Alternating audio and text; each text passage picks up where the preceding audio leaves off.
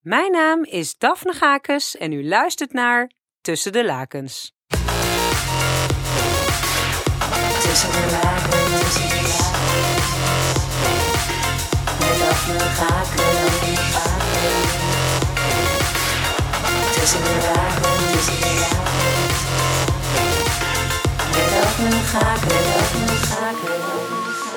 Vanaf het moment dat ik me bewust werd van seksualiteit, draai ik iedere steen om op dit gebied. En ik blijk niet de enige. Met uitsluitend leuke mensen ga ik in gesprek over het leven, de liefde en alles wat zich afspeelt tussen de lakens.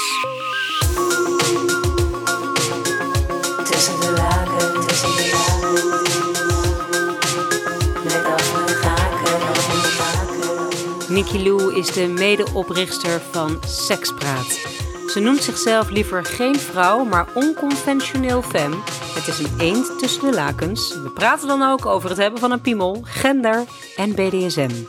Alright, zit alright. even te kijken, hij mag nog wel iets hoger voor jou, zie ik. Alles hier is een, is een mood. Wat is een mood? Ja, ik weet niet. Het, is, het heeft gewoon een, alles heeft een, een statement. Dat wil ik meer zeggen. Weet je wel, je had ook een ehm, Ikea-mokje kunnen hebben. Maar het is Oh, meteen iets, ja. eh, iets bijzonders. Ik hou wel van, ja, esthetiek. Op een ordinaire manier. Op de fine line. Ja, als jij lekker in dat... Dus je pakt hem Oh, zeg maar echt goed wel. in het, in het zwart praten, zeg maar. In dat plop, plop, plop, plop. Oh. oh, dat doet wel Oh, wat dat voor hoor, je. oh, dat hoor je. Maar Misschien nog een sigaret moeten roken. Nou, wordt het een beetje... Vind je een sigaret iets erotisch? Oeh, ja. Wel... Ja, ja. Kan wel. En wat is Niet, niet per se tijdens of na de seks, maar ik kan wel iemand die ik aantrekkelijk vind en die ook nog, ja, kan ik wel sexy vinden. Maar dat is misschien ook als je zelf sigaretten ook niet vies vindt. I Ja, guess. ik vind eh, sigaretten zo vaak zo eh, gestrest eruit zien als ik mensen zie lurken aan zo'n peukie. Ja, het ligt er dus een beetje aan hoe. Als je inderdaad Ja, ja. staat, eh, ik heb vijf minuten pauze. Ja. Maar als je gewoon ergens staat buiten of je hebt een drankje en je bent gewoon rustig terwijl je aan het praten bent, dan kan ik wel denken van, Het ziet er altijd wel appetijtelijk uit. Ja, vaak wel. En je kan vaak ook wel een beetje ehm, zien hoe iemand beweegt of dingen doet. Ja, Inderdaad, als je iemand zo ziet stressroken, denk je van oké, die uitstraling is misschien niet voor mij. ja. Oh, het is zo uit eigenlijk roken. Ja, Toch? Het is Ja. zo bizar. En van, dat was vroeger natuurlijk iedereen rookte.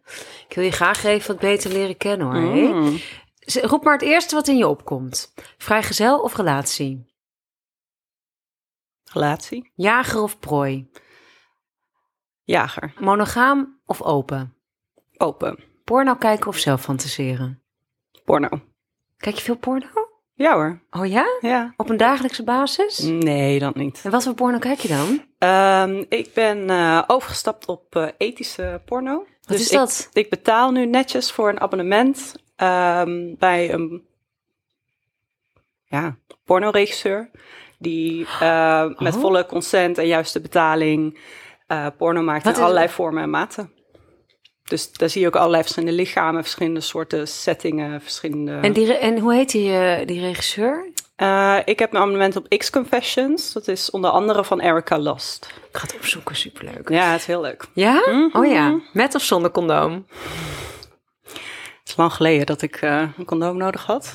Maar met, denk ik. Slagroom of massageolie? Massageolie. Lichten aan of uit? Aan. Alles harig of kaal? Harig. Dominant of onderdanig? Dominant. Trio met extra man of vrouw? Allebei? Ben je van de groep seks? Ja hoor. En, wa- en wa- wat, wat vind je daar leuk aan dan? Ik vind, heel, ik vind groepseks vooral leuk met mensen die je niet zo goed kent. Omdat het nog meer grenzen eigenlijk loslaat. En ik heb ook wel een beetje exhibitionistische trekjes. Dus eh, op een themafeest, zullen we maar zeggen. Met andere mensen, dat vind ik wel leuk. Wat, wat voor themafeest hebben we het over? Nou ja, je hebt ehm, seksfeesten bijvoorbeeld. Ehm, je hebt feesten voor alleen vrouwelijke mensen. Je hebt feesten voor queer personen. En waar vind je die feesten dan? Ja, via... Staan niet in de uitagenda. Nee, helaas niet. Ehm, nou ja, nu ook met corona is het ook allemaal wat ingewikkelder. Maar voorheen, ja, als je op de juiste platforms zit... Wat is dat dan, het juiste plat? Namen, namen. Namen, namen. Nou, een hele bekende is bijvoorbeeld eh FetLife. Oh. Maar dat is vooral voor mensen die wat meer in de fetish, BDSM, kink scene Mhm. zitten. Maar dat heb je ook in alle kleuren en eh, gradaties. Maar daar worden wel vaker meetups die ook gewoon... We gaan met z'n allen wat drinken, gewoon leuk informatie uitwisselen met gelijkgestemden. Maar ja, daar komen ook wel de, de themaavond in Club Church of... eh En Club Church, wat, is dat? zit in Amsterdam. Ja. En is een, ehm, voornamelijk ingestoken voor meer de homo-gemeenschap. Maar er worden allerlei ondergoedfeestjes of geen ondergoedfeestjes georganiseerd. Ehm, maar daar ben ik bijvoorbeeld ook een keer bij een bijeenkomst van BDSM jongeren. Ik weet al niet hoe het heet, was lang geleden geweest. Dus ze staan ook open voor allerlei mensen in meer de BDSM King community om de ruimte te gebruiken voor hun feestjes. Nikki Lou. Wat een Yes. heerlijke naam. Hoe definieer je jezelf? Dat kan een beetje verschillen. Ehm, ik leg het mm, liefst uit als een beetje onconventioneel femme. Ik hou er niet van om mezelf een vrouw te noemen, maar ik heb Waarom geen. niet dan? Ik heb daar, daar ervaring mee dat mensen daar associaties bij hebben of op een bepaalde manier behandelen die ik niet fijn vind. Wa- Wat is een eh, situatie wat jou als eerste voor de geest komt? Mm, de situaties waarbij ik een beetje over één kam wordt geschoren of waarbij er eh, zo- soort sociale normen op mij geprojecteerd worden waarvan ik zelf denk, ugh, dat past helemaal niet bij mij. En kun je teruggaan naar een moment waarop je dacht: oh nee, dit, dit jij hebt zo Ja, verschappen. dingen waar ik de kriebels van krijg zijn van die dames gaan voor. Of, oh ja, want, oh ja, dat moet ik inderdaad aan jou vragen, want vrouwen kunnen heel goed multitasken. Of weet ik veel. En dat, ik ben er nog niet helemaal uit waar, maar het is gewoon het hele... Er wordt al iets op me geprojecteerd waar ik niet blij van word. En weet je nog wie dat tegen jou zei? Wel- welke setting was dat? Collega's of eh, mensen die je net leert kennen bij een event. Ik beweeg zelf best wel in queer circles, waarbij het meer normaal is om mensen wat neutraler te benaderen of eerst te vragen van... Wat vind je fijn of, of weet je wel, hoe identificeer je je? Dus met de kennismaking, niet alleen de naam, maar ook hoe identificeer je, is een algehele vraag. Ja, die ik in queer kringen wel, die is veel normaler om te stellen. Als het niet duidelijk is. En ook normaler om eh, eh, bijvoorbeeld aan te geven bij sekspraat. Hebben we ook als regel dat mensen een naamsticker doen. Omdat het gewoon stukken makkelijk is van, oeh, wat was je naam ook weer? Wat is, Ehm, wat is sekspraat? Ja, praten over seks. Ja, ja, ja.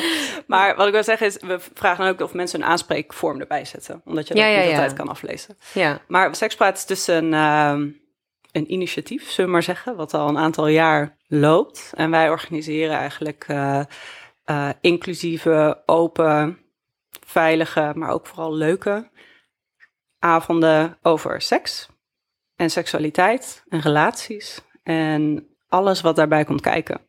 En wat is de reden waarom je, daar, waarom je dat hebt opgericht?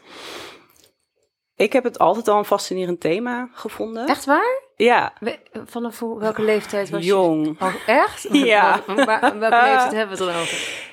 Ja, zo net pre-puberteit, misschien al eerder. Ehm, ik denk dat het ook wel wat te maken heeft met mijn opvoeding hoor. Ik was een feministische moeder. Ik ben opgevoed zonder eh, deur in de badkamer. Dus voor mij waren heel veel dingen normaler om te zien en te bespreken. Maar ik heb het altijd heel fascinerend gevonden hoe andere mensen dat ervaren. Omdat ik er dus op een gegeven moment achter kwam, oh, heel veel mensen vinden dat niet normaal. Of vinden dat taboe. Waarom is dat eigenlijk? Maar was je moeder ook vrij eh, in haar seks met jou? Eh, ja, ja. Heb je haar wel eens zien seksen? Eh, ja. En toen heb ik dat zelf wel even besproken van misschien kun je de volgende keer de deur Maar dicht doen. Hoe ging Maar dat daar reageerde ze ook wel op van, oh ja, ja, is goed. Ja, zal ik doen. Maar Want je kwam issue. thuis.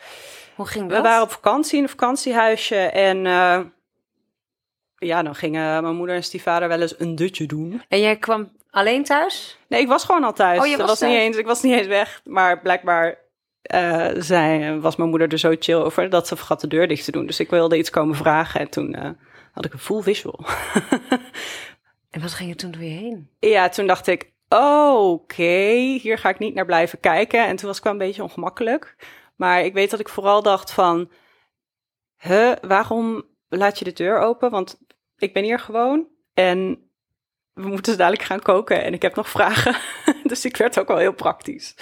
En eh, ik heb het ook, ja, je, heb je, ben je in de deuropening blijven staan of ben je... ik ben gewoon omgedraaid en weggelopen. en heeft je, wist je moeder dat, ze- dat, ze- dat jij haar gezien had? Nou, een half uur later, toen we eenmaal gingen koken, toen zei ik wel, ehm, ik weet niet meer precies hoe ik het zei, maar ik zei wel, mam, ehm, misschien kun je de volgende keer de deur dicht doen. En toen was ze ook van, oh, oh, ja, nee, dat is, ja, dat is goed, dat zal ik doen. En volgens mij vroeg ze wel nog iets van of ik oké was of zoiets dergelijks, maar daar was het ook wel mee gedaan. En hoe voelde je je daarbij? Ja, wel een beetje ongemakkelijk, want ik had de visual niet per se nodig. dat krijg je toch niet helemaal uit je hoofd. Ehm, maar verder niet, voelde ik me er niet erg over. Ik heb altijd wel zoiets gehad van, oké, ik ben blij voor je dat je seks hebt. En hoe oud was je toen? 13 of zo. Oh ja. Ja, zoiets.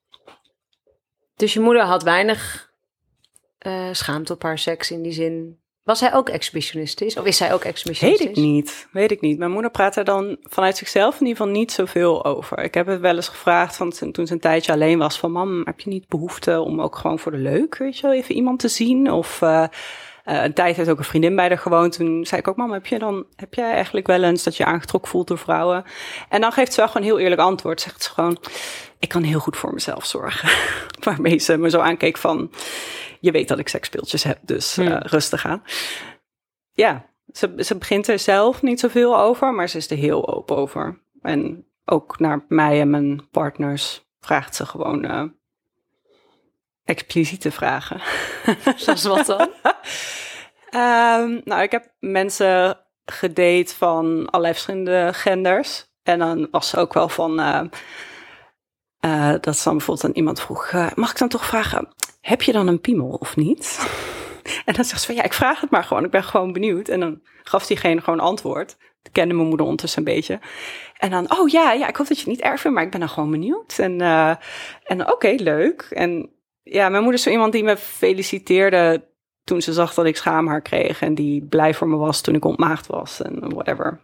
Ja, Veel seks en plezier. ja, het is gewoon leuk. Het is plezierig. Het moet wel oké zijn voor je. Het is ook wel duidelijk van wat is dan niet oké. maar ehm, ja, ook wel een beetje zo hand in hand met een benadering van je lichaam is gewoon oké. in welke vorm dan ook. En wat je met je lichaam wil doen is oké. Zolang jij je er goed bij voelt. Dat is eigenlijk de strekking. En is het een vrouw die lekker in haar lijf zit? Ja, ze mag soms nog wat meer in de lijf zitten, maar eh, dat eh, herken ik wel. Maar ja, ze zit wel goed in de lijf en ze weet haar lijf ook wel mooi eh, te presenteren. Dus Hoe doet ze dat dan? mooie kleding, goed voor zichzelf zorgen. Ehm, ja, zorgen dat ze, dat ze zich goed voelt over zichzelf. Heeft ja. ze jou ook seksuele voorlichting gegeven? Eh, ja, maar dat ging dus ook een beetje in gradaties.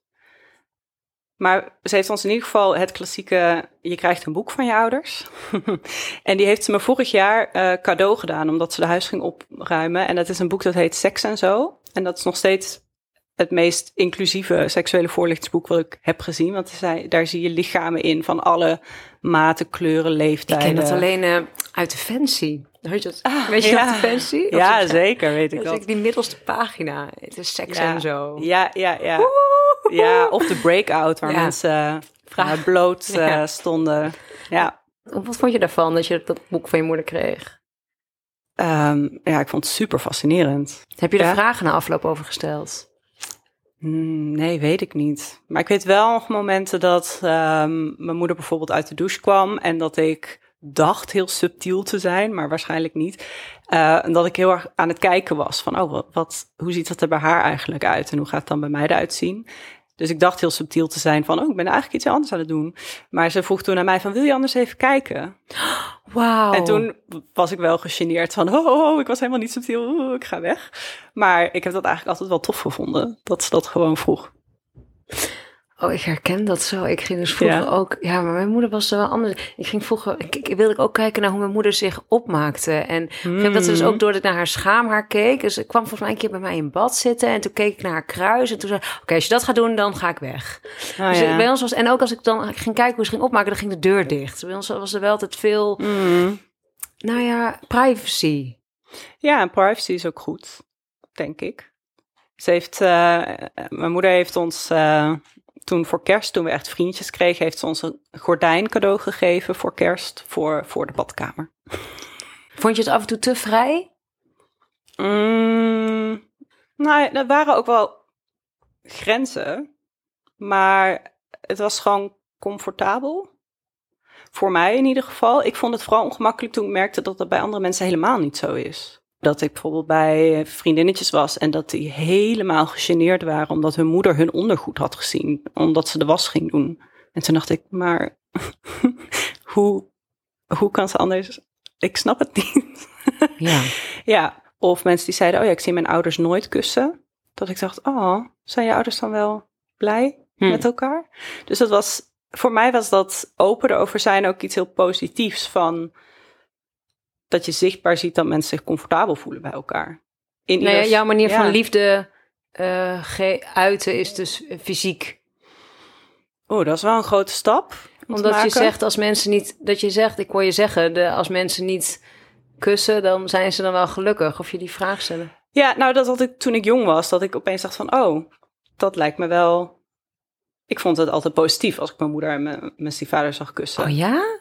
Ik vond, het Ja. ik vond het een beetje goor als ik Nou ja, er zijn ook wel momenten dat, dat ze echt aan, dat ze een beetje gingen Frenchen en dat ze zei, oh, gaan we vanavond van Bill? En toen dacht ik echt, oh, dat, dat, hoeft, dat hoeft niet. Zeker niet in die verwoording, weet je wel. Doe, doe het, hartstikke leuk, maar ik hoef het echt niet mee te krijgen op, op die manier. Maar ja, ik heb dan wel altijd van, oké, nou, wel leuk voor jullie dat jullie elkaar zo leuk vinden. Hmm. Eh, Zeker toen ik oud werd, dacht ik, ja, weet je wel, intimiteit en liefde ziet er op zoveel verschillende manieren uit. Maar dat was Ja. toen ik jong was wel een moment dat ik dacht, oh, dat is echt anders. En heb je altijd, zeg maar, nou ja, vanaf dus op je dertiende begon het en of je seksuele of je interesse in Hmm. liefde, seks en relaties en is dat hoe is hoe is hoe is die trein vertrokken? Hoe is die trein vertrokken?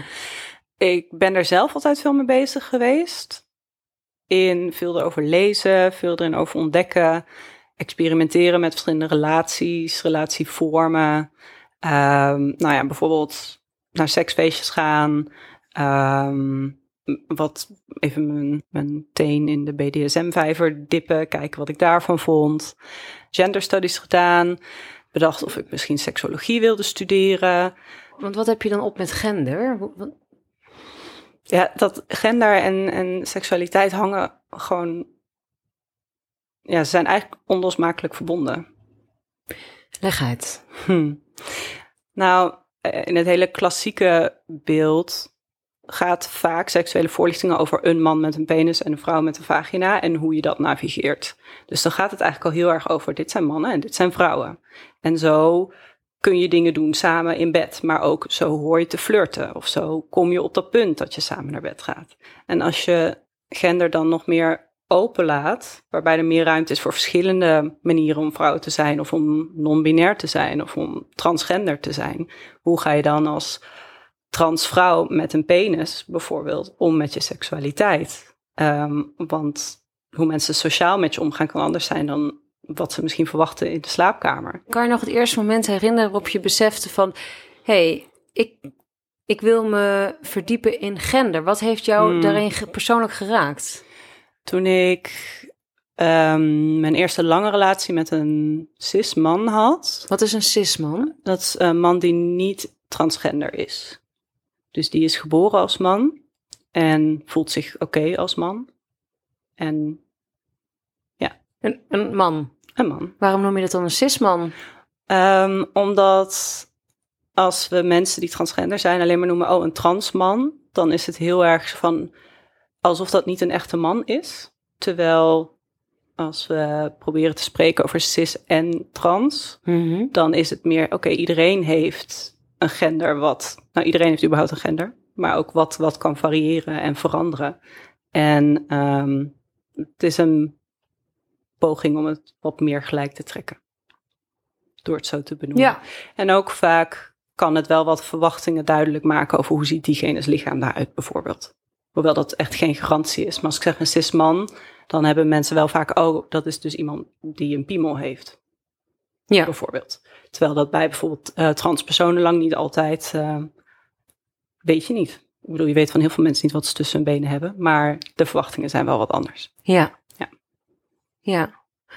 Sorry, ik onderbreek je in mijn zijspoor. Wat Geeft niet, het zijn belangrijke dingen. Ehm, hoe gender bij mij een belangrijk punt Mhm. werd. Ja, ehm, ik had dus een, een relatie met die persoon en die begon mij te corrigeren op bepaalde aspecten. Ze zei, oh ja, ja, ik vind eigenlijk dan eh, je buikhaar vind ik niet zo vrouwelijk. Kun je dat weghalen? Ehm, en ik merkte dat ik daar heel ongemakkelijk van werd. Ehm, zo over een langere periode merkte ik gewoon van, oh, in de mannelijke vriendengroep word ik, wordt mijn waarde soms wel een beetje geassocieerd met hoe seksueel aantrekkelijk ik ben. En daar werd Mhm. ik ongemakkelijk van. Ik heb daar ook mee gespeeld.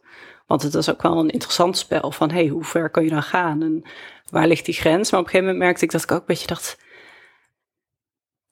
ja, dan gaat het alleen over hoe mijn tieten eruit zien, Hoe bijvoorbeeld. reageerde je toen hij zei eh, dat buikhaar? Ehm, ik vond het niet echt leuk, maar ik ben het wel gaan doen. Als in het wegscheren. Maar steeds gaandeweg dacht ik, ja, dat voelt. Het, ik doe het niet voor mij. Zo voelde het. Ik doe het niet voor mij. Ik ben het er niet mee eens. Ik doe het omdat jij dat wil. En dat voelde steeds krommer. Dan ben ik steeds meer een stapje gaan ondernemen van, eh, ja, wat nou als ik mijn benen niet scheer? Weet je wat, kan altijd weer af. Kan altijd weer af. Als ik het niet leuk vind, kan het er weer af. En heb je, Ehm, eh, laat je je beenhaar en je okselhaar ja, ik je laat nu eigenlijk al mijn haar staan. Ik, Hoe ik verzorg dat? het wel. Het bevalt me goed. Ik bedoel, eh, lekker trimmen. En soms dat je ook denkt, ik wil het even heel erg kort. Maar oh, geen gescheer meer, geen huidirritatie. Heb je ja, wel eens een negatieve reactie op gehad? ja. maar dan van heel dichtbij, van mijn zus. Wat Die, zei ze? ehm, ik, we zaten in een restaurant en ik rekte me even uit. En toen zei ze, oh, doe maar niet, want je oksels zijn niet geschoren. En toen merkte ik ook dat ik dacht, who cares? Het is niet alsof ik 10 centimeter haal om mijn oksel. Wat zei je tegen geknipt. haar toen? Ik weet, ik weet niet wat ik zei. En volgens mij deed ik gewoon mijn armen naar beneden. En, en ja, ik weet het niet. Ik weet niet meer wat ik Je zei. het, de confrontatie niet aangegaan. Ja, ik weet niet of ik op het punt was om de confrontatie aan te gaan. Ik had toen nog niet actief besloten van... En joh, wat deed het met je dan? Ja, het voelde dus een beetje als een keurslijf. Van je wordt ge- je, dat iemand mijn lichaam probeert te controleren naar hoe het moet zijn. En dat klinkt meteen super groot, maar gewoon dat ik dacht, jemig, wa- waarom zit ik het dan te doen? En daarom begon ik een beetje met mijn benen, want die zie je het grootste deel van het jaar niet. En ik dacht steeds, kan er zo weer af, weet je. En het was in het begin wel een beetje vreemd, maar daarna dacht ik, oh, ik vind het super relaxed om niet daarmee bezig te zijn, niet mijn benen te hoeven scheren voordat ik ergens heen ga, niet te denken, oh, ik heb één streepje haar gemist. Eh, dus nu moet ik super zelfbewust zijn de hele dag, omdat mensen dat misschien zien op mijn enkel. Ehm, en het wordt gewoon normaal na een tijdje. Ehm, maar het is dus ook meer ja, gaandeweg gegaan dat ik zoveel ook huidirritatie kreeg van mijn bikinilijn, harsen en zoveel geld kost dat ook. Door alles te laten harsen of scheren, dat ik huidirritatie kreeg, dat ik dacht, het moet gewoon even rustig worden. En dat ik toen weet dacht, je ik vind het eigenlijk wel prima. En weet je nog de staat. eerste keer dat je seks had met je volle haardos tussen je Oh. benen? Ehm, Maar dat lijkt me ook nog wel een stapje. Kijk, als het lekker verstopt in, in, in, in ondergoed zit. Ja, ja, ja, Maar ik, ik, in ieder geval, als, als ik zelf zeg maar niet seksueel actief ben, ja, dan Ja. wordt er helemaal niet ge, onthaard. Maar als ik weet, oh, ik ga vanavond daten of iets, dan pas ga ik, ontha ik onthaar voor de ander. Ja, ja. ja, dat is natuurlijk ook nog van wat, wat vind je zelf prettig als je inderdaad gewoon in je joggingsbroek zit. En wat vind je prettig als iemand anders daarmee bezig is. Ehm, en ik ben ook wel echt wel van hoor, dan ga ik even trimmen en zorg ik, eh, eh, want hygiëne en hè, het is wel eh, etiketten om het allemaal een beetje aantrekkelijk te maken. Is het Ehm, onhygiënisch? Nee, nee, hoeft helemaal niet onhygiënisch te zijn. Maar ik heb zelf, als ik orale seks geef bijvoorbeeld... en iemand heeft heel lang haar, het leidt gewoon af. Het zit een beetje, weet je wat, kan in de weg zitten. Sommige haartjes die laten los. En dat, Hm. Ik wil gewoon niet afgeleid worden op zo'n Ja. manier. Ehm, maar ja, ik, ik was met een vrouw toen ik stopte met het te ontharen. En ik weet wel dat ik in het begin wel vaker checkte van, is, het- weet je wel, is het oké? Eh, moet, ik, eh, moet ik het korter doen? Is het oké? En het was gewoon oké. En ik vond het bij haar ook oké. En toen dacht ik, ja, wat, wat is dan de problem? Hmm. Ehm, en ik vind het zelf ook prettiger met haar. Het geeft een beetje een ander gevoel op je huid. Ik vond het, als het helemaal kaal is, voelt het soms heel... ehm, ik miste een beetje het kriebelige gevoel van Hm. haar. Het voelde heel erg plat op je huid in plaats van... Want je hebt bijna over je hele lijf haar. Dus ook als je op je arm bijvoorbeeld geschoren bent... dan voelt aanraking ook anders. Ja, Minder subtiel. ja, Dus ik merkte van, oh, ik vind het ook wel lekker voelen. ja. Dus toen dacht ik, oké, done. Maar ehm, het werd ook normaler om daarover te communiceren. Dus met mijn huidige partner is het ook gewoon helemaal oké om te zeggen van... eh, oh, je moet je wel, eh, weet je wel, voor de volgende keer trimmen het even. Of zo wil je eerst even trimmen. Want we weten nu dat het vooral is van... want ik wil gewoon even helemaal hier opgaan. En niet afgeleid worden door... oh, er zit even een haartje in de weg, even wachten. Ja, Hoe, hoe, hoe identificeert, dat is zoiets vraagt, jouw partner je? Zeg zelf. wat, wat, ja, ik weet het niet goed. Ik wil eigenlijk vragen, heb je, heb je een man of een vrouw als, als, als relatie? Maar dan denk ik, nee, dat is volgens mij niet meer. Dus Ja. hoe identif wat dus vraag je nou precies? Hoe identificeert jouw... Wat, ja, wat, voor wat is het gender van je partner, Wat is- bijvoorbeeld? ja, maar dat is het dan toch ook niet het gender? Want het is hoe iemand aangesproken wil worden. Ja, gender gaat heel erg over het sociale aspect. Ja, En geslacht gaat echt over hoe zitten je chromosomen en je lijf in elkaar. Dat is vaak het onderscheid wat gemaakt wordt. Ja. Ja. Oh ja. Dus het is inderdaad. Dus de vraag is. Ja, sorry hoor. Ik probeer Geeft een soort niet, van. ik vind in het een- helemaal op goed. een nette manier eruit te pluizen. Hoe. hoe dus de. Wat voor gender heeft jouw relatie? Ja, nou ja, ik ben, eh, ik ben dan toevallig iemand aan wie je gewoon kan zeggen... eh, oh, heeft jouw eh, partner een piemel dan? Bijvoorbeeld, maar dat raad ik je niet aan. Mijn partner is een man, transman. Ja, zo. Hij, zo identificeert hij zich ook. Een transman is. Dat is dus een man die als vrouw door het leven gaat. Nee. Nee, het is iemand die dus in transitie is gegaan om als man door het leven te gaan. Oh, en dan is het een trans. Ja, nu snap ik het. Ja, Ja. precies. Dus daar komt het cis natuurlijk ook vandaan. Ja, Ja, ja, ja. want trans is, Want eh, hij is- hij is- verandering en cis is stilstaan. Ja, dus hij is een man. Ja, En hij wil zichzelf dan misschien ook niet steeds transman noemen. nee, Ja. Nee. En Ja. dat doet hij ook niet. Eh, wij hebben daar ook afspraken over van wat vertel ik wel en wat vertel ik niet.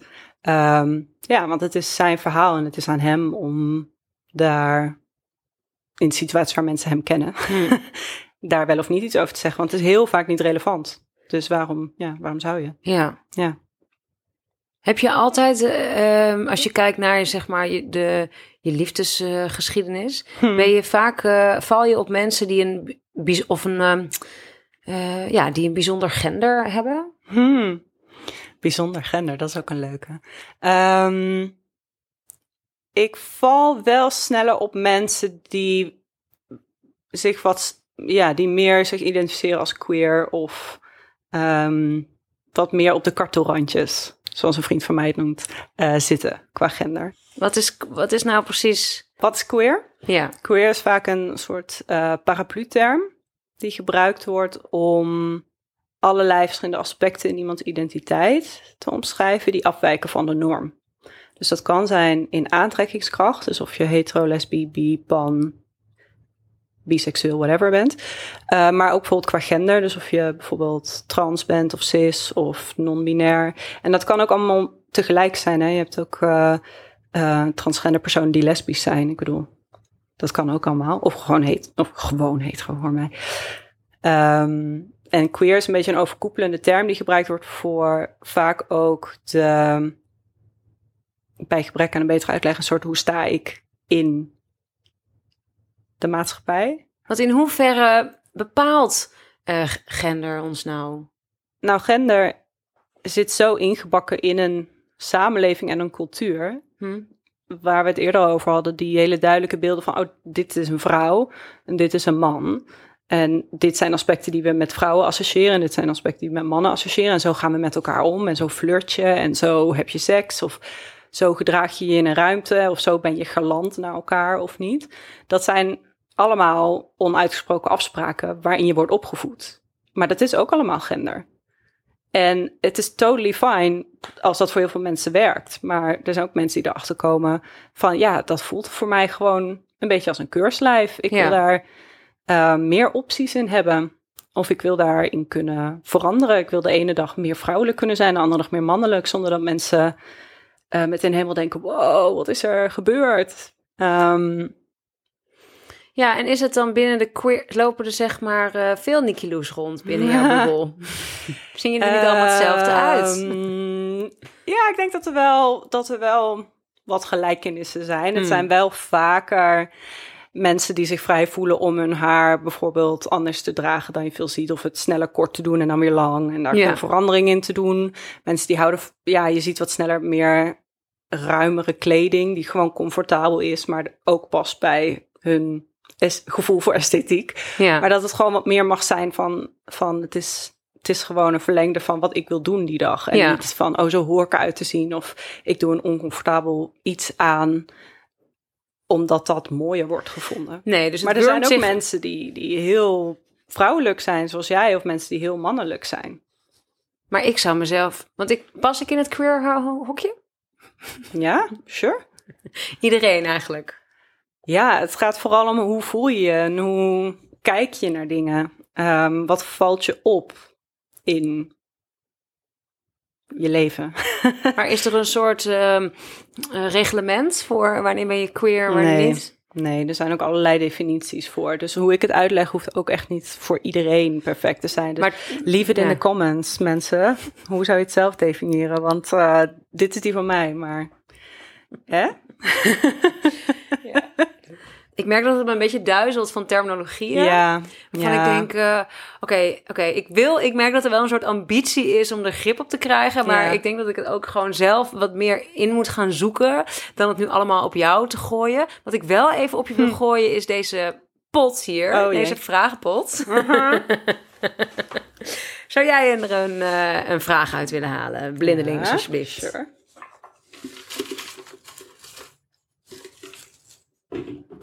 Oké, wil je dat ik hem voorlees? Nou, graag. Mm.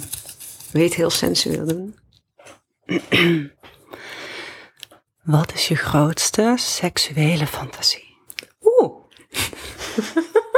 Oké. Ja, was het een succes? Jawel, vind ik wel. Voel ik wel in mijn broekje. Nee, geintje. Dus, eh, dus Daphne, wat is je grootste seksuele fantasie? Jij mag hem. eh, Oh, ja, ik heb een. Nee, ik heb. eh, ik schaam mij altijd een beetje voor mijn fantasieën. Want ik heb. Dat is vaak mijn fantasie. Want Ja? zijn altijd, vaak zijn fantasie een beetje op het randje. Dus dat zit Ja? altijd iets in. Oh ja, ja, ik fantaseer over. Altijd net iets te kleine vrouwtjes. Of gewoon een beetje zo'n Hmm. maatje XS. En dan hele grote mannen van twee meter. Die dat meisje Ah. totaal uit elkaar trekken. Oké, alright. en en ben jij, waar ben jij dan in die ik ben altijd een man. Dus ik vind het Ah, heel opwindend ja, ja, om zeg maar ja, een ja. piemel te hebben. Oh, vertel mij wat. Ja. Ben je goed met een strap-on? Oh, strap-ons, dat- dat is een- ook weer een wereld apart. Maar eh, ik heb ook eh, tien hele handige vingers. Je neukt met je vingers. ja, ja, ook. Ehm, en ja, ik ben daar echt fan van. Ik zou ook, als het kon, zou ik zo, weet je wel, als, je, als er een manier was om te zeggen van zo, nu wil ik andere geslachtsdelen, dan zou ik dat best wel willen switchen, vooral voor seksuele activiteit. Ja. Zoals je het hebt over grote fantasie, eh, ja hoor. Wat is je grootste fantasie? Dus het hebben van een piemel. Mm, het hebben van een piemel. Wat zou je dan gaan doen met die piemel? Mm. Dan zou ik echt een blowjob willen. Ik ben echt benieuwd hoe dat voelt als je een piemel hebt. En ik ben ook heel benieuwd hoe het voelt als je iemand penetreert. Maar vooral het gevoel dat je, zonder dat je ingewikkelde dingen moet doen, maar dat je gewoon door je heupen te bewegen, eh, tegelijkertijd die sensatie kan voelen. Ja, dat vind ik dus Dat heel lijkt lastig. me heel ik vind het Leuk. een strap-on. Ja. Ik heb wel eens een keer seks gehad met, met een strap-on, Mhm. maar ik dacht wel, jezus, man, wat vermoeiend, hé. Ik was na drie stoten al buiten. Ja, zat ik ook Ja. wel mijn conditie. Viel of mij ook ook op mijn wilskracht. Misschien wilde ik, weet je, ben ik natuurlijk weer zo'n driftig keffertje die dan zo heel erg gaat zitten neuken dan. Ja, ik bedoel? ja, je denkt toch van, ik moet dat dan toch ook kunnen. ook lekker hard en Zoals ik dat zie Dus misschien was ik ook- ja. ja. Eh, ik kon er niet echt in ontspannen. Ik vond het broekje ook niet sexy om aan te trekken. Nee. Dus ik dacht, oh, ik, ik vind het gênant. Bijvoorbeeld het idee dat, zeg maar... Ik vind het gênant uitzien. Ik merk dat ik schaam, me schaam over... Ik vind het dus niet se- sensueel. En dat maakt het gelijk Ja. heel plastisch. Ja. En, en ook dat ik dacht... Maar wel dat ik dus een soort van respect kreeg voor mannen. Ik van, jezus, het kan wel hard werken zijn, ze. Ja, ja. Dus Ja, in die zin zit er misschien wel een meerwaarde in... Het met je vingers oplossen. Dan hoef je niet zo'n eh, tuigje om. Ja, het voelt wel anders, omdat ik vind zelf de fascinatie met een zelf een penis hebben, is dat je dus je hele lijf kan gebruiken tijdens het neuken. En niet ehm, eigenlijk, je, je kan als je, ja, als je je vingers gebruikt, kun je ook wel je hele lijf gebruiken, maar je bent altijd ook daarmee bezig. Ik kan niet iemands haar ondertussen vasthouden of helemaal in iemands nek liggen, want die bocht is moeilijk te maken. dus Ja. plus als je iemand met je vingers neukt, dan ehm, nou, kan ook bij jou dan wat gebeuren. Maar als iemand even helemaal opgaat in het moment, dan gebeurt er bij jou niks. Ja, Dus het lijkt me heel fascinerend om dat allebei te hebben. Maar je kan heel veel leuke dingen met je vingers. maar toch het verlangen naar een piemel. Ja, het zou toch leuk zijn? Wel, Ja? Ja. Ja. Hoewel, ik kan er ook heel erg van genieten om zelf gepenetreerd te worden. Dus Hmm. ik zou ook niet standaard bij Allebei seks een penis willen. Ja, allebei. Heb je ooit wel eens seks gehad met iemand die het allebei heeft? Dus wel, ehm, als mensen hormonen gebruiken, als ze in transitie gaan, dan veranderen mensen hun geslachtsdelen ook.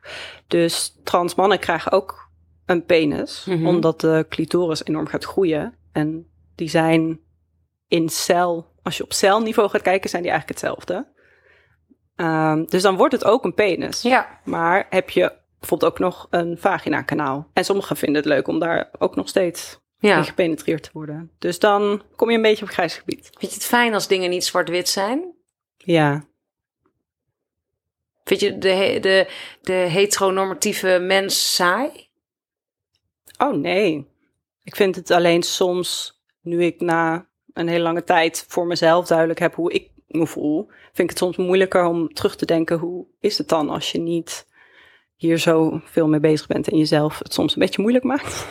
Dus dan kan ik wel een fascinatie hebben van voor mensen die zoiets hebben Ja. van, oh ja, dit is gewoon al, het is allemaal prima en ik voel me hier helemaal in thuis en ik stel eigenlijk nooit vragen over of ik me wel of niet aangetrokken voel door hetzelfde gender of of ik me comfortabel voel in mijn gender. Dan denk ik wel, oh, dat is wel een andere manier van, ja, ik kan me niet zo goed voorstellen omdat ik er zoveel mee bezig ben. ja, ik zit dus totaal in die bubbel waar je nu over praat. Ja, Er lijkt me ook niemand heel tof. Ik heb dus inderdaad niemand om me heen die daar echt, nou ja, bewust van is. En de een is daarin veel meer begrensd dan de ander. Vooral bijvoorbeeld mannen, dan merk ik toch wel. De mannen in mijn bubbel, die zijn wel erg, eh, ja, homofobisch wil ik niet zeggen. Maar niet, dus die hebben wel schaamte op hun vrouwelijke kanten. Ja, Weet je wel? ja, Eh, ja, dus ik zie wel dat het moeilijk is voor een man om bijvoorbeeld ook... Terwijl ik zie juist dat die nieuwsgierigheid... Wil je ook een keer mijn hakken aan of zo? Dat zijn weinig mannen die zeggen... Nee, of, ja, ja, misschien Ja. natuurlijk wel zeggen... Maar je ziet toch een soort, Mhm. altijd een soort... ja. ehm, Ja, nou, dat, dat vind ik vooral jammer als mensen zich beperkt voelen in gewoon dingen waar ze nieuwsgierig naar ja, zijn. dat Of vind ik ook heel pijnlijk. heel ja. veel betekent, terwijl dat helemaal niks hoeft te betekenen. Ik kan me heel goed voorstellen als jij eh, als man eh, met hakken eh, over straat loopt... en misschien een klein make-upje op... Mhm. dat er dan veel meer... dat de wereld een onveilige plek wordt. Ja, en dat heeft dus weer te maken met wat er als norm wordt gezien voor bepaalde Ja. genders. Ja. En door emancipatieprocessen is het voor vrouwen normaler geworden om meer mannelijk eruit te zien, hoewel daar ook wel echt een grens aan zit. Ehm, omdat het ook geassocieerd wordt met sterk zijn en power en eh, professioneel eruit zien, weet ik veel. Eh, maar inderdaad, andersom wordt dan meer vrouwelijke uiting bij mannen wordt heel snel gezien als niet serieus te nemen Ja. of niet sterk of eh, Ja. dat is te confronterend of zo voor mensen. En dat vind ik vooral jammer. Maar als je vraagt, vind je mensen saai? Nee, helemaal niet. Ik heb hier een aantal dieren. Oh, Welk dier ben jij? Ik denk de eend. De eend. Uh-oh. Oké, dit is geen dikke tip. Zoals de meesten wel weten, kan je Mhm. beter geen seks hebben zonder dat alle partijen een go hebben gegeven. Mhm. Bij eenden werkt dit anders. Mhm. Vrouwelijke eenden hoeven helemaal geen seks. Daarom schakelen mannetjes hun maten in om het vrouwtje vast te houden. Zodat, zodat zij hun, soms wel 20 centimeter lange, spiraalvormige vallers Oh. in de dame in kwestie kunnen steken. Oh ja, nee, ik ben bij, bij water opgegroeid, dus ik weet dit. En ik weet ook wat voor herrie dat geeft. En heb je wel eens fantasie over verkrachting?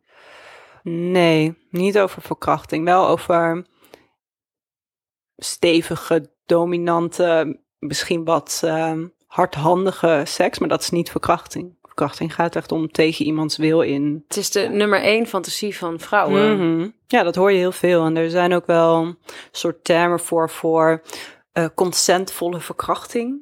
Wat is dat? Ja, wat dus eigenlijk een beetje een contradictie is in zichzelf. Maar het idee dat inderdaad mensen die houden van verkrachtingsscenario's. Ehm, ik zet gewoon een trigger warning voor deze podcast. Ehm, dat mensen die houden van verkrachtingsscenario's, het idee dat je geen macht hebt en dat je je helemaal moet overgeven en dat iemand je zo graag wil dat je. Nou, dat zijn vaak kenmerken daarvan. Ehm, dat je dat kan uitspelen met mensen omdat je toestemming hebt gegeven dat je in die situatie wil Mhm. komen. Ja. Maar dat heeft meer te maken met dominantie en macht en ja, want ik heb je wel overgave. Ik heb je ja. horen zeggen dat je met, je met het, teentje in de vijver van de BDSM Ja, hebt ja, ja, ja. gezeten. ja. Kun je uitleggen wat dat is? Wat betekent dat, die term? Het heeft heel erg te maken met machtsverhoudingen, met ehm, een bepaalde aantrekkingskracht op pijn, pijn geven of ontvangen. Ehm, en ehm, soms ook beperkingen of juist vrijheid. Dus mensen die daar graag mee spelen. Maar het is, eh, wat ik bijvoorbeeld zelf merkte, is dat, kijk, BDSM staat en valt gewoon met consent. Van, vinden deze mensen dit allebei heel leuk? Kun je het veilig doen? En wat ik bijvoorbeeld een keer een ervaring had, is dat ik in zo'n setting, iemand die ik al wel een beetje kende via via, dat die het uit het niets oké vond om mij bijvoorbeeld heel hard in mijn nek te grijpen en naar beneden te duwen, omdat ik een beetje een sassy opmerking naar maakte. Dus hij ging heel erg in een soort, ik ben dominant en ik mag dit met je doen. Terwijl ik kende hem bijna niet, was nooit afgesproken, ik heb nooit met hem gespeeld op die manier. Dus het voelde heel onveilig, omdat hij opeens al mijn grenzen overging. We stonden gewoon nog met twee anderen te praten. En opeens dacht hij van, oh, nu heb je een, een beetje een sessie opmerking gemaakt, dus nu mag ik jou fysiek...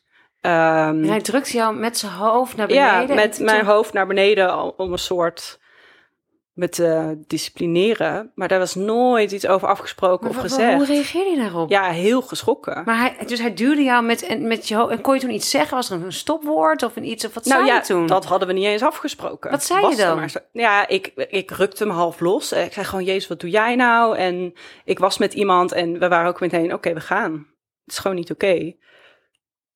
Maar dat was dus ook een event om, voor mensen ook, jonge mensen vooral, om daar een beetje in te en wat zei hij toen hij, dit is niet oké? Ik weet het niet. Ik was zo geschrokken. Hij was, eh, volgens mij lachte hij het een beetje weg of zo. Want, maar dat, dat is dus het hele punt. Het is alleen leuk als het consensueel is. Consent, nou, als er consent is. Als je weet van, hé, hey, we vinden dit allebei leuk. En niet als je opeens iemand vastgrijpt of opeens, weet je wat, het is net alsof iemand je opeens een klap in je gezicht geeft, terwijl je helemaal niet hebt gezegd van, dat vind ik leuk. Dus het voelt, het voelt dan meteen heel grensoverschrijdend. En dat, dat grenzen opzoeken, dat maakt BDSM voor mij heel interessant. Maar er zitten wel gewoon grenzen aan. Ik was een keer op een eh, spanking workshop. Oh, En, en wat eh, heb je daar geleerd? Dan gingen we. Nou, ik vind dat zo kicken, jongen. Dat ik, dat een, ik dacht niet dat als mensen zeg maar op mijn eh, billen slaan of zo tijdens de Mhm. seks. Ja, ik weet niet. Soms vind ik het wel lekker, maar ik zou. Nou, ik vind het ook soms. Nou ja, ik, ik heb altijd moeite met. eh, bij mij is dat een dingetje dat ik vind het dus heel denigerend. Vind ik alleen maar heel fijn als ik super opgewonden ben. Mhm. Maar heel vaak valt het bij mij niet zo goed. Ik, heb, ik vind het moeilijk, merk Mhm. ik. Ik heb een hoge, veel trots. Oh ja. Hè, dus ik vind het best wel lastig om dan... Ik kan best wel een beetje zo'n geil pijpsletje zijn, maar dan eventjes of zo. Daarna, maar meestal Ja. vind ik het misplaatst. Als, ik weet niet. Nou, anyway. Ik had dus een beetje zoiets van, nou, volgens mij heb ik niks met spanken. Ik had ook helemaal geen ervaring in, in de zin van, ik heb dat zelf nog nooit. Ik heb zelf nooit de impuls gevoeld om op iemands beeld te slaan, weet je. Dus ik vond het... eh, eh, nou, ik vond het zo kicken. Want hoe ging dat dan? Ja, weet je wat ik... Heb kijk, je op iemands bil geslagen? Nee, ja, we stonden naakt. Nou, het was een, eh, Wow. training van, de, of een cursus van twee dagen. En die eerste dag ging het vooral over de hele theorie van BDSM en Hmm. machtsverhoudingen. En het werd zeg maar langzaam naartoe gewerkt, dat we met de kleren uit. Uiteindelijk stond ik met mijn handen tegen de muur en twee mannen achter mij waren mij aan het slaan met een zweep. Nou, Wow. ik vond dat. eh, eh, ik kwam dus een soort prestatiedruk over mij heen. Dus ik ineens Mm. voelde ik van. Je, mo- je moest dan, je werd geslagen en dan moest je de pijn een cijfer geven. En ik Ah, voelde echt een 10 en ik zei 3. Dus ik kreeg een hele van fuckers gewoon zo. Ik kreeg dus, ik kwam bij mij een super competitieve iets van. Ik ga mij hier niet neer laten slaan. Ik ga maar hier, maar ik werd kwaad ook. Het was boosheid en ook een ontlading, want ik stond te trillen Ja. op mijn benen. Ja. En, maar ik, ik, ik merkte dus, ik kan dus niet goed zacht zijn naar mezelf en zeggen, stop. Ja. Van, ik dacht, ik zou jullie eens even een poepie laten ruiken. En toen ik pas de rollen omgedraaid werden, dus ik mocht gaan slaan. Ja, ik, ik, ik kwam in een soort trance. ja. Dus ik ging slaan en slaan. En, en, en ik, wat er omhoog kwam voor mij was... mannen en vrouwen, tuurlijk, we zijn gelijkwaardig. Maar we zijn niet gelijk. En mannen zijn fysiek... eh, ja, de sterkere partij. Eh, die zijn, hebben fysiek overwicht. En ik vond dat zo oneerlijk. Ja. En ik voelde hoe lekker het was om... doordat je iemand slaat, voelde ik... ik heb de macht. Ik Ja. heb fysiek overwicht nu. Ik kan jou pijn doen. Ik heb de, en dat... Ja, ja, dat kwam gewoon bij mij... Ja, ik kwam heel dicht bij mijn eigen... ehm, ja, trauma's eigenlijk Mm. ook. Het maakte bij mij heel veel emoties los. Voelde je je veilig in die setting? Ja, ja, zeker. Ja. Want het was allemaal met... Nou ja, we hadden dus een stopwoord. We, we er heel lang naartoe. Heb, ik, sterker nog, ik dacht, na één dag al zullen we nu maar eens beginnen. Want er werd heel erg naartoe gepraat. En toen we het eindelijk gingen doen... Ja. Dan komt dat misschien ook al het verlangen eruit. Hoe zou het zijn? Hoe zou het zijn? Hoe, hoe zou het zijn? Ja. En dan ga je het doen. En maar die ontlading... Mm. ehm, ik moet je eerlijk zeggen, ik heb het daarna nooit meer opgezocht.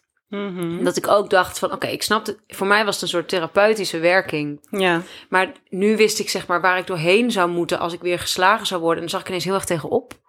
Ja. Ja. Weet je, dus ik vond het... Ik, het, is, het is zo fucking kwetsbaar. Ja. Eh, en die extreme, zeg maar... Ik vond het fascinerend en beangstigend tegelijkertijd. Ja. Hoe was het voor jou? Ehm, nou, ik heb het niet op deze manier meegemaakt, maar ik vind het echt een heel mooi voorbeeld van wat het wel niet met je kan doen en hoeveel opbouw er plaatsvond om dat mogelijk te maken. Dat je je dus veilig voelt. Want zoals ik BDSM begrijp, gaat het juist ook heel veel over kwetsbaar kunnen zijn en echt wat je graag wil doen. Maar daar komen vaak ook heel veel emoties bij kijken of ehm, schaamte nog bij bepaalde verlangens. En daarom is bijvoorbeeld Ehm, consent zo belangrijk. En, en afspraken maken, maar ook nazorg is, is gewoon heel belangrijk. Van ben je oké? Weet je wel? Ben je in staat om überhaupt naar huis te gaan? Of weet je wel, dat soort dingen. Dus het, En wat, ik- was jouw meest eh, mooie ervaring binnen de BDSM? Nou, dus dat, dat exhibitionisme, Hmm. een beetje. Dat ik dacht, oh ja, dat vind ik dus echt wel heel leuk. Eh, Als ik- mensen kijken terwijl jij bezig bent. ja, of dat ik weet dat mensen kunnen kijken, of dat ik naar andere mensen kan Oh ja? kijken. Oh ja. Ja, ja, ja, ja. Ja, dat was wel dat ik dacht, oké, dat vind ik dus blijkbaar helemaal prima. Ja, ja, ja. En, Maar, en maakt je dan ook contact met je publiek? Ja hoor. Ja, en ook wel eens iemand die dan vroeg, eh, mag, ik, eh, mag ik dit of dit doen bij jullie? En dan konden we ook gewoon zeggen nee, bijvoorbeeld. Ja. Maar dat dus ook, als je het hebt over veiligheid, dat het eh, allemaal mensen zijn die een beetje hun grenzen opzoeken of in ieder geval dingen beleven die je niet zomaar hier elke dag op je bank eh, doet, bijvoorbeeld. Maar dat het wel allemaal oké is. En wat was je aan het doen dan, terwijl mensen aan het kijken waren? Mm, ik zat bij mijn partner op schoot en hem af te trekken terwijl ik gevingerd werd. Ehm, hem pijpen terwijl ik geen ondergoed aan had en dus op mijn hurken zat. Terwijl mensen op de benedenverdieping gewoon naar boven konden kijken. Ja, ik heb ook Ja. in een andere situatie ja, een trio gehad met twee dames. En de deur staat gewoon open, want de deur mocht ook niet dicht, want ze moeten wel qua veiligheid. En dan kunnen allemaal mensen gewoon binnenlopen en kijken. Waar was je dan? Hmm, dit was op een eh, specifiek voor vrouwen een feest. Dat werd georganiseerd. Door? Wow, het is echt even geleden, maar het heet volgens mij iets van ja, Bi-Curious of zo. Daar word ik nu een beetje kriegel van. Maar het was in Den Haag in een oud bordeel. Dus het was ook echt zo'n ehm, gebouw met allerlei themakamers en een grote bad op de eerste verdieping naast de kluisjes. En Maar hoe vind je dat soort feesten? ja, dat kwam ik dus ook tegen via, via, via, via. Ik date ook wel via, via Expresso, ruim tien jaar geleden. Ehm zoals een jongere platform voor LHBTI-personen. Waar je ook sekscontacten op had. Dus daar heb ik wel wat leuke mensen op gevonden. Maar ook via VetLife dat dat langskwam, dat dat georganiseerd werd. En ehm, ja, of dat dan via iemand waar ik mee had afgesproken die daarvan wist. Jeetje, maar als je dan... Ik, lijkt me ook nog wel een stap. Dan zie je dat zo op... Vet- Want Vetlife is, is dus de porno-site, toch? Waar jij... Nou, het is geen porno-site. Het is een soort Facebook voor mensen die van eh fetish, kink, BDSM houden. En dan komt dat voorbij. En dan... Ja. Het lijkt me super spannend. Ja, ik ging. ehm, ik had ook echt eerst een werk-event in Den Haag. En toen bleef ik daarna dus in Den Haag om daarheen te gaan. Dus dat was ook wel van hoe, hoe, hoe. Ehm, maar er zou ook wel iemand komen die ik al een beetje kende. Dus dat hielp wel. Maar ik vond het vaak juist ook wel fijn om er alleen te gaan. Hè? Nee. Ging je daar in je eentje naartoe? Hoe bedoel je? Je ging... Ja? Nou, maar, echt waar? Dus je zag het evenement en je dacht... Oké, er is daar iemand die Nou, ik ken. Ja, Go. ik kende dus iemand. ehm, we hadden al gechat en zo. Eh, nou ja, we kennen elkaar gewoon al een beetje. En die ging ook. En dan was oké, dan zit je daar. Ja, maar, maar, maar, ja, Ja. maar jee, en was er een, een dresscode bijvoorbeeld? Ja, Wat was- lingerie. Daar moest je in aankomen. Nou ja, je mag, je mag je wel omkleden als je daar bent. Ja. Maar ja, Dus- iedereen dus- liep dus in je- lingerie rond. Jeetje, dus je gaat dan in je eentje daar... Ja, Je doet je kleding uit, je komt in lingerie die ruimte binnen. ja. En dan? Ja, Naar de bar. dus wel, ja, zeker naar de bar. Eh, ja, het hielp dus wel dat ik diegene al een beetje kende. Dus eh, we vonden het allebei wel fijn van, oké, we kunnen in ieder geval met elkaar staan en kijken. Dus je zag eh, hem of haar bij de, in, Haar, ja, haar bij de ingang. Ja, zo voor dat gebouw zagen we elkaar. En er werd volgens mij ook uit de organisatie wel van, oh, mensen die voor de eerste keer gaan, we kunnen ook met z'n allen, werd het georganiseerd dat mensen die voor de eerste keer gingen samen konden gaan, zodat je niet Ja. in je eentje binnen hoefde te lopen. Dus dat deden ze wel goed. Ehm, dus ik sloot aan ook bij die groep volgens mij. Want diegene die ik kende, die sloot daar dus bij aan. En ik kwam wat later, omdat ik vanuit dat werk kwam. Nu ik het vertel, denk ik ook... Ja, want ik had toen echt niet zoveel zelfvertrouwen als nu. Dus Hoe oud was je? 21, denk ik. 22. En was je de jongste? zoiets. Was je een van de jongsten? Hmm. Nee, er waren heel veel mensen van die leeftijd. Hmm. Ja. Was het een leuk meisje met wie je was? Eh, ja, ja, was leuk. En eh, nog uiteindelijk met dus één iemand anders eh, in het bed beland. Maar daarvoor waren er heel veel, heel veel dansen, heel veel bubbelbadderen, zoenen met mensen. En uiteindelijk die mensen meegenomen naar een slaapkamer. En ik- volgens mij ben ik zelfs met de nachttrein naar huis gegaan. Dat je denkt, jezus Christus, dat is een supergoed idee. Maar Want ja, dat duurde vanuit Den Haag naar... naar Utrecht. Ja, dat... Ja, maar dan om vier uur s'nachts dat je nog half met je, je charretels en eh, op het station zit dat je nu denkt, was misschien niet het allerhandigste om te doen. ja. Maar ja. Ik alleen, dus- ook alleen. Ja, alleen. Ik ging alleen terug naar Utrecht. Ja. Wat wel hielp was dat het dus een soort vrouwenfeest is en dat de organisatie dus ook van tevoren best wel goed probeerde te regelen voor mensen die ehm, voor de eerste keer kwamen en dat ze ook best wel aanbevelingen hadden van reis samen of zo of eh, er is dit en dit zijn hotelopties als je die voor een hotel boekt. Maar ehm, ja. Zou je zelf eens een keer zo'n feest willen organiseren? Ja, heel graag. Ja, lijkt me Ja, ook heel, leuk. heel graag. Ja. Er is ook zo'n Engelse eh, organisatie, die heet Killing Kittens. En die organiseren high-end seksparties. Oh, het lijkt me zo leuk. ja. Te gek dat je er was. Thanks. Hartstikke bedankt. Jij ook bedankt. Wat zit die Nikki Lou lekker in de materie, hè? Zoek haar op bij Sekspraat, een leuke club met nieuwsgierige onderzoekers. Sekspraat is te vinden op alle socials met seks zonder de E van eend. Tot de volgende!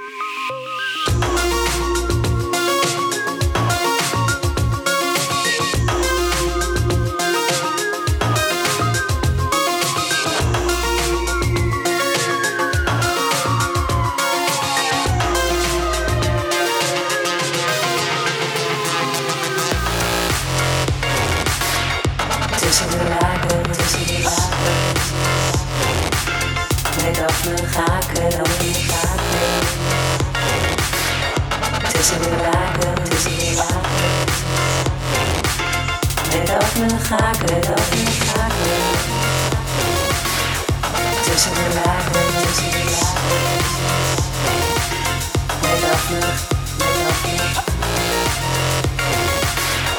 Tussen de lagen, tussen de lagen. Met af